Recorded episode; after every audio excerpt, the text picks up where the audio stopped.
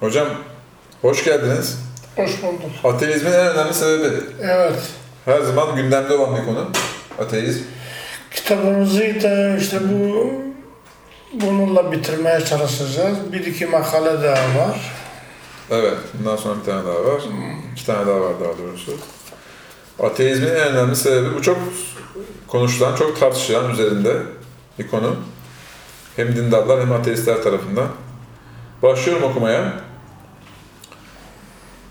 Dünyada en büyük sorun olan ateizmin ve materyalizmin ve bunların sonucu olan nihilist felsefenin ve bunun sonucu olan bugünkü absürt hayatın yani sosyal hayattaki değersizliğin en büyük sebebi dindarlardır.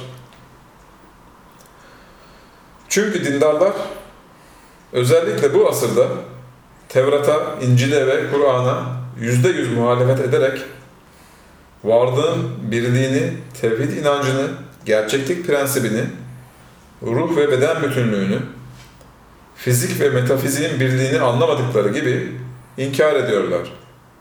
Halbuki bu üç kutsal kitap da Çin ve Hint kutsal metinleri de binbir güzel niteliğe sahip olan bu gerçekçi bütünlüğü ve tevhidi anlatıyorlar ve anlayana yaşattırıyorlar. Buna mukabil her üç dinin müntesipleri Aristo felsefesinin ve teolojisinin etkisinde kaldıklarında bu sonsuz ilmi ve doyurucu gerçeği anlamayıp her üç dinin kitapları değil de Orta Çağ kelam literatürünü esas alan din adamları, kainatın dışında düşünülen ve ne olduğu hiçbir zaman bilinemeyecek olan, kızdıkça insanları cezalandıran bir teoya inandılar. Fen ilimlerini esas alan ilim, fikir ve felsefe ehlini buna zorladılar. Evet, din elden gidiyor kaygısıyla veya detayları esas almaktan dolayı başta Gazali olmak üzere kelam ekolleri fakih, alim ve gayet dindar olan İbn Rüşd ve İbn Sina gibi zatları kafir ilan ettiler. Bunları esas alan bazı siyasiler ise zekada ve ilimde zekada ve ilimde sivrilmiş bir kısım ehli ilmi öldürdüler. Yanlış anlaşılmasın. İbn Rüşd, İbn Sina ve benzeri İslam filozofları Aristo'nun felsefesini ve tabiat bilimini esas alırken kelamcılar ve onları esas alan alimler onun mantığını ve teolojisini esas aldılar. Bundan dolayı koyun gibi teslimiyetçi olmayan ehli ilim özellikle bu asırda ateist ve naturalist oldu. Önemli bir kısmı da materyalist oldu.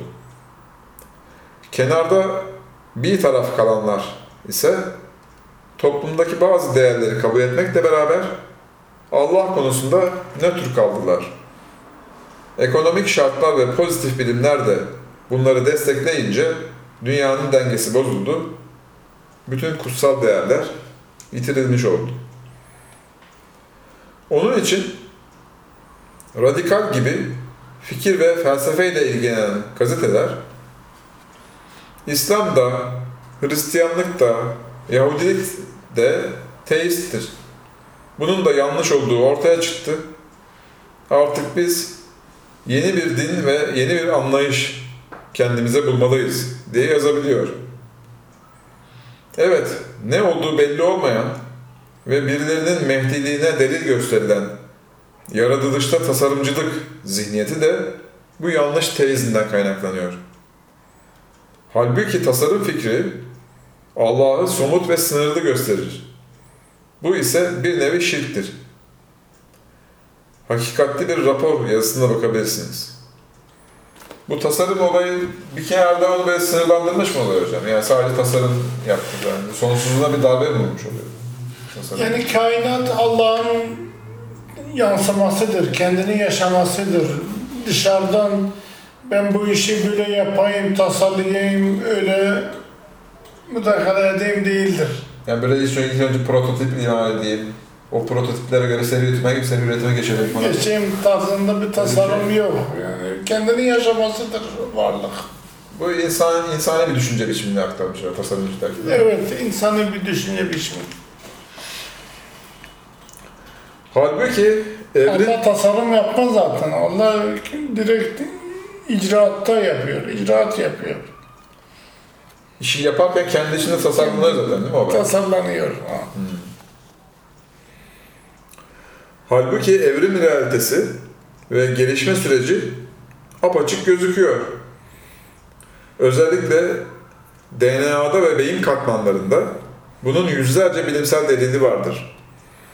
Fakat dindarlar Ademiyeti yani insanlığın kolektif kültürel kişiliğini Adem'in insanlığı temsil eden gaybi ve arketipal kişilik olduğunu anlatamayınca Adem ile ilgili literatürün yorumunu bilemeyince varlığın ve tabiatın özellikle ekolojik dengenin içinde sonsuz bir bilgiyi ve bilinci gösteremeyince evrim teorisi ki sonradan bilim halini aldı ateistlere yaradı. Çağımızın büyük bir din alimi olan Bediüzzaman 28. mektup 6. meselede Kızıl İcaz'da 16. 29. ve 8. sözlerde ve Muhakemat kitabında evrime açık bir şekilde işaret etti. 20. sözde Adem kıssasının insanlık modeli olduğunu anlattı ve 5000 sayfayla tesadüfü reddetti. Dini bilgilerin bireysel ve lokal olmadığını, her bir meselesinin külli yani evrensel ve meşhut yani gözle görünen bir kanun olduğunu yazdı. Fakat onun öğrencileri olan Nurcular tesadüf fikrinden yani rastgelelik fikrinden çok korktukları için bu ilmi meseleleri anlamadılar. Bunun üzerine dindarlar ile üniversitedeki ehli ilim arasında kopukluk oldu. Ve bu kopukluktan dolayı Türkiye bugün açmazları yaşıyor. Halbuki bütün semavi vahiylerin ve kadim geleneklerin anlattığı ve Sokrat'ın da savunduğu o güzel birlik Sokrat nasıl savunuyormuş? Altta bir dipnot var hocam. O dahi zat Ey yüce pan, ey yüce birlik şeklinde dua ediyormuş. Diye geçenlerde ilmi bir kitapta okudum. Diye dipnot var. Sokrat'ın da savunduğu o güzel birlik, bütünlük, tevhid ve varlık içindeki sonsuz bilgi ve bilinç anlatılabilse ve semavi dinlerin gösterdiği tarzda yaşanabilse, böyle deccallıklar, yanıltmalar artık dünyada etkili olmayacaktır. Dünya İsa ve Mehdi yani bilgi, bolluk ve barış çağına girer. Bu güzel sonsuz gerçeklik sayesinde bizim kötülük dediğimiz şeyler dahi anlam kazanır ve güzelleşir. İsa bütün İncil'de Baba, Oğul ve Ruhul Kudüs'ün yani tabiat, din ve sosyal değerlerin veya bilinç, ruh ve bedenin birliğini savundu. Matta İncil'i 25. babın anlattığı üzere bu birliği ve sonsuzluğu yaşattırdı.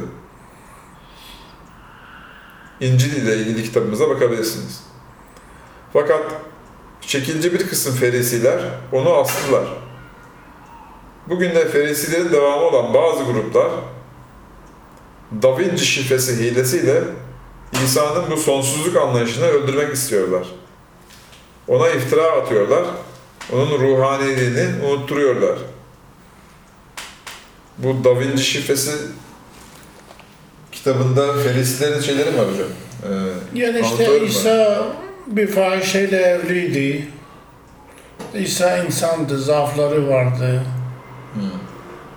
Gibi İçerikler var. içerikler var kitapta.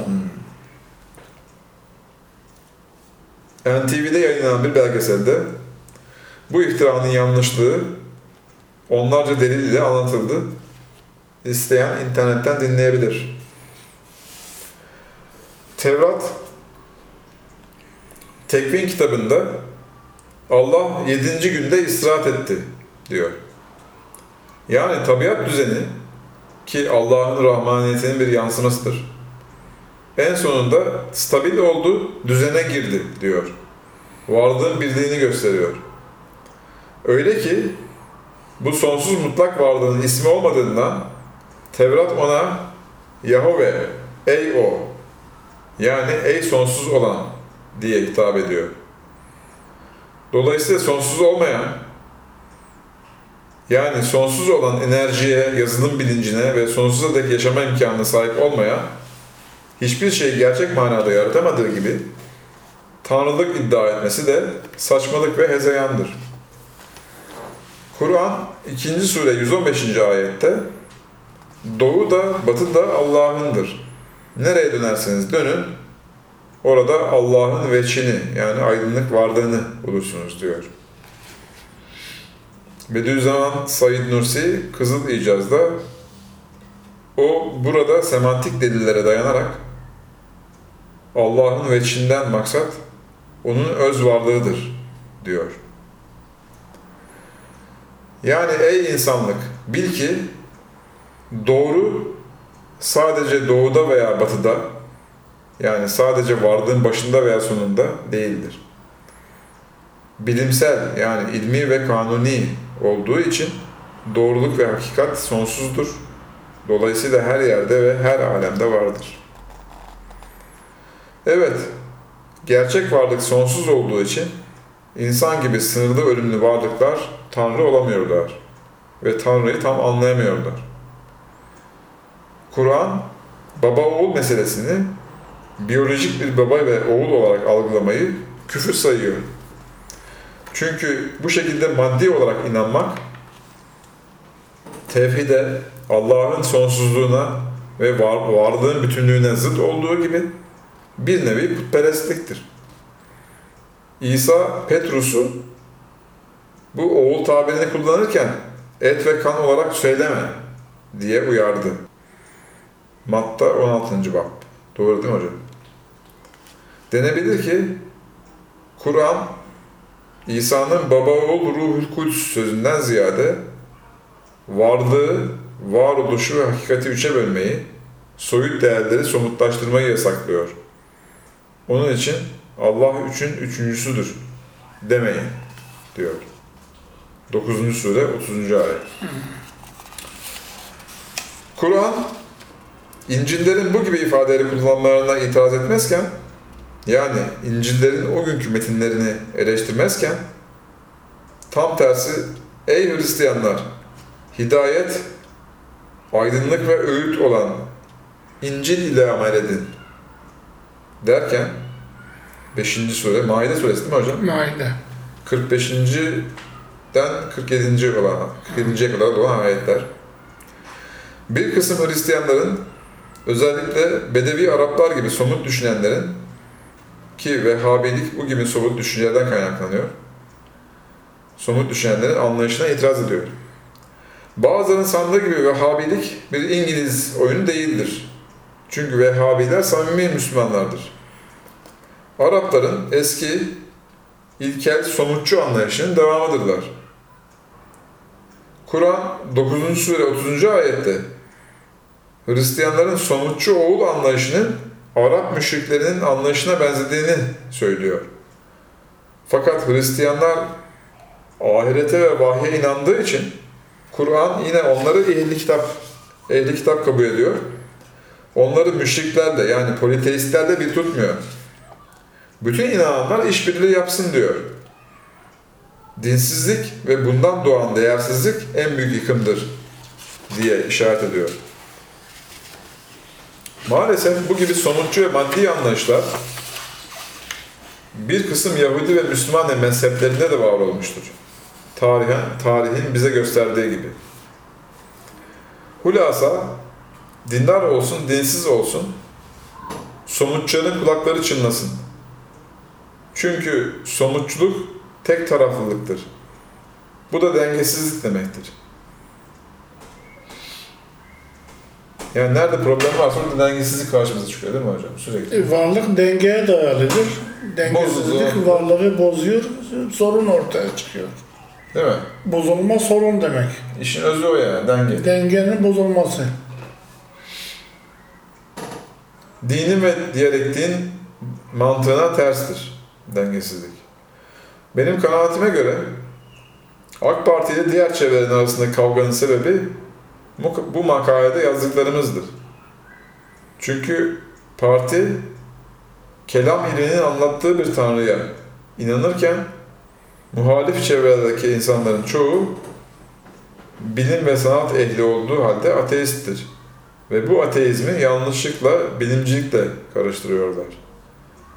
Demek bu bütüncül, çok boyutlu, ilmi ve kutsal gerçekler ile yurdumuzda, belki de bütün dünyada barış sağlanabilir.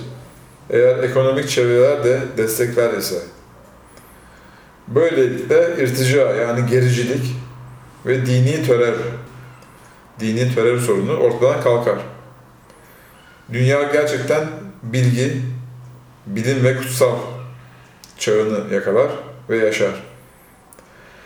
Hz. Muhammed'in bize mütevatir yani tartışmasız bir şekilde gelen sözünde buyurduğu gibi bütün sorunlar çözülür. Deccal zamanında yanıltmaların ve dengesizliğin etkin olduğu dönemde İsa, İsevi ve ruhani bilinç gelir, şeriatınla, denge ve bütünlük ile amel eder sözü gerçekleşir. Çağımızın bir kısmı ilahiyatçıları hariç, bütün İslam alimleri bu hadisi mütevatir olarak kabul etmişlerdir.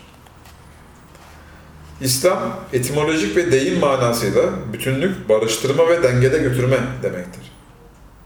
Evet, İslamiyet tarihte Tevrat'ın maddi ve dünya, dünyevi kalkınış mezhebiyle İncil'in ruhani ve uhrevi yaşayış mezhebini birleştirmiş ve barıştırmış. Kur'an'ın ifade ettiği gibi vasat, orta ve hayırlı bir ümmet olmuştur.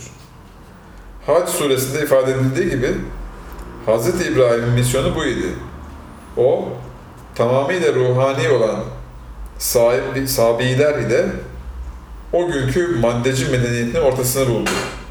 Kur'an'ın tabiriyle insanlar lider oldu.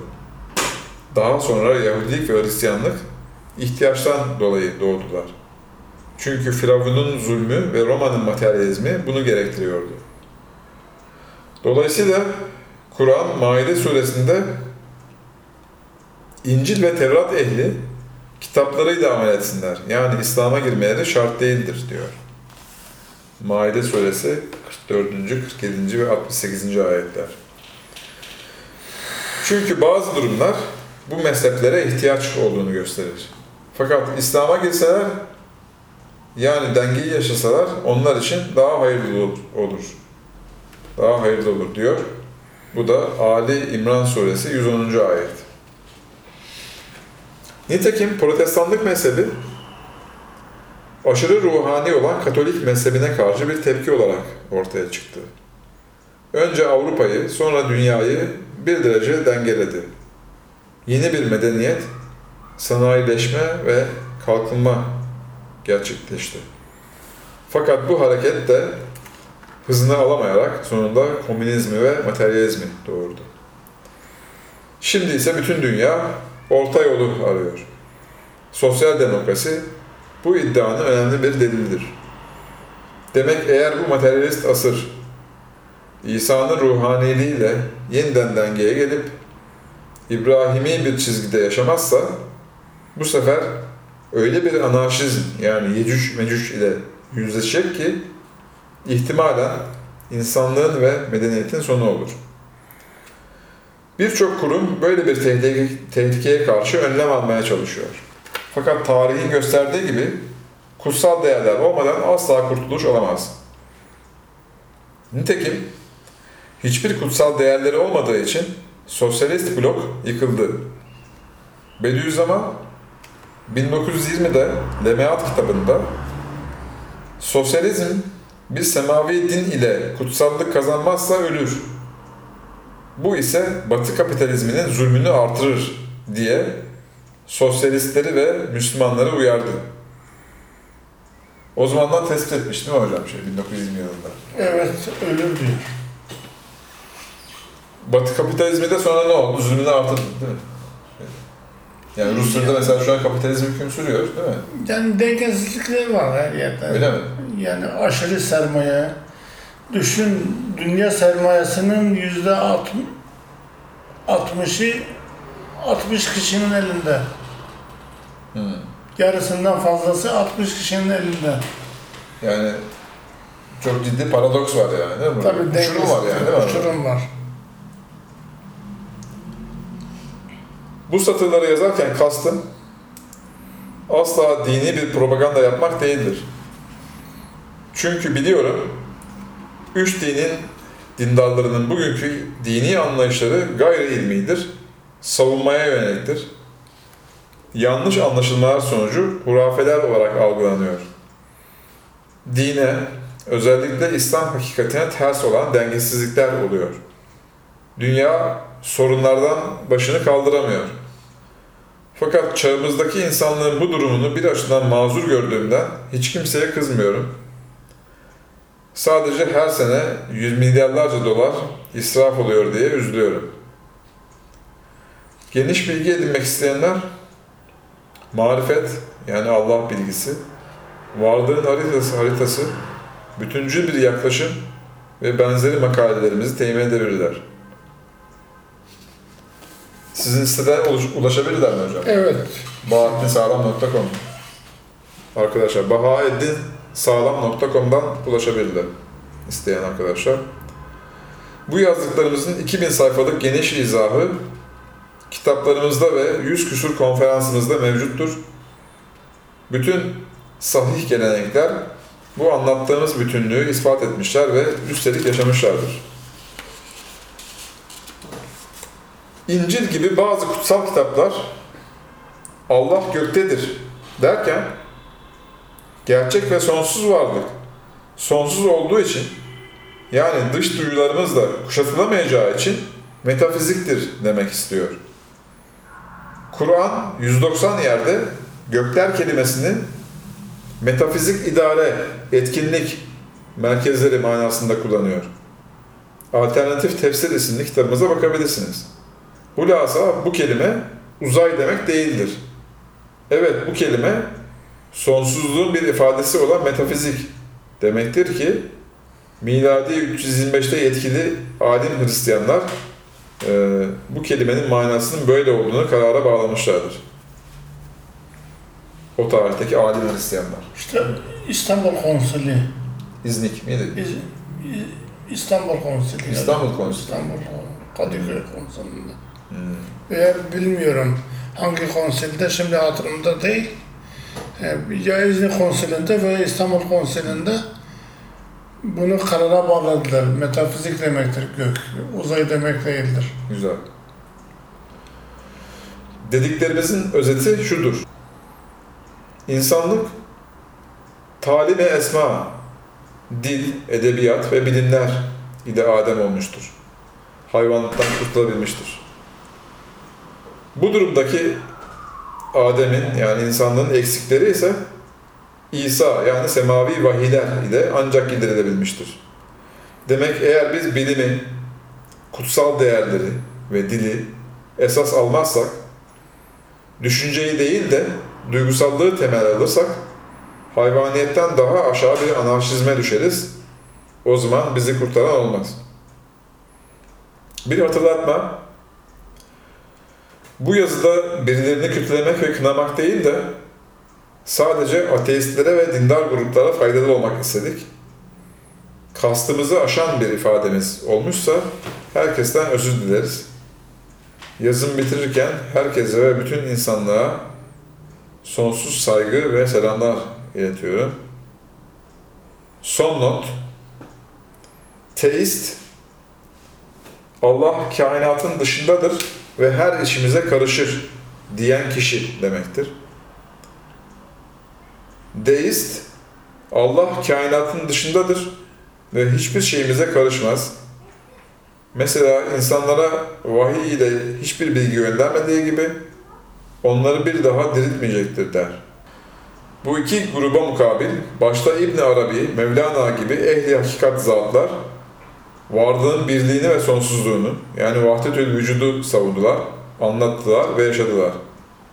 Fakat vahdetül vücut anlayışı çoğu zaman aşırı maddeci veya aşırı ruhçu olarak algılandığında burada anlatılan anlayışa vahdetül vücut demeyip İslam ve tevhid yani birlik, bütünlük ve sonsuzluk anlayışı diyoruz.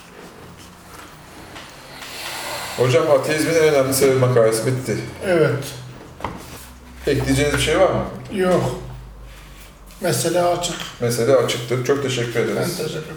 Arkadaşlar bu hafta ateizmin en önemli sebebini okuduk makale olarak. Haftaya yeni bir makalede, Kitab-ı Mukaddes'te hikmet kavramı makalesinde görüşmek üzere. Hoşçakalın.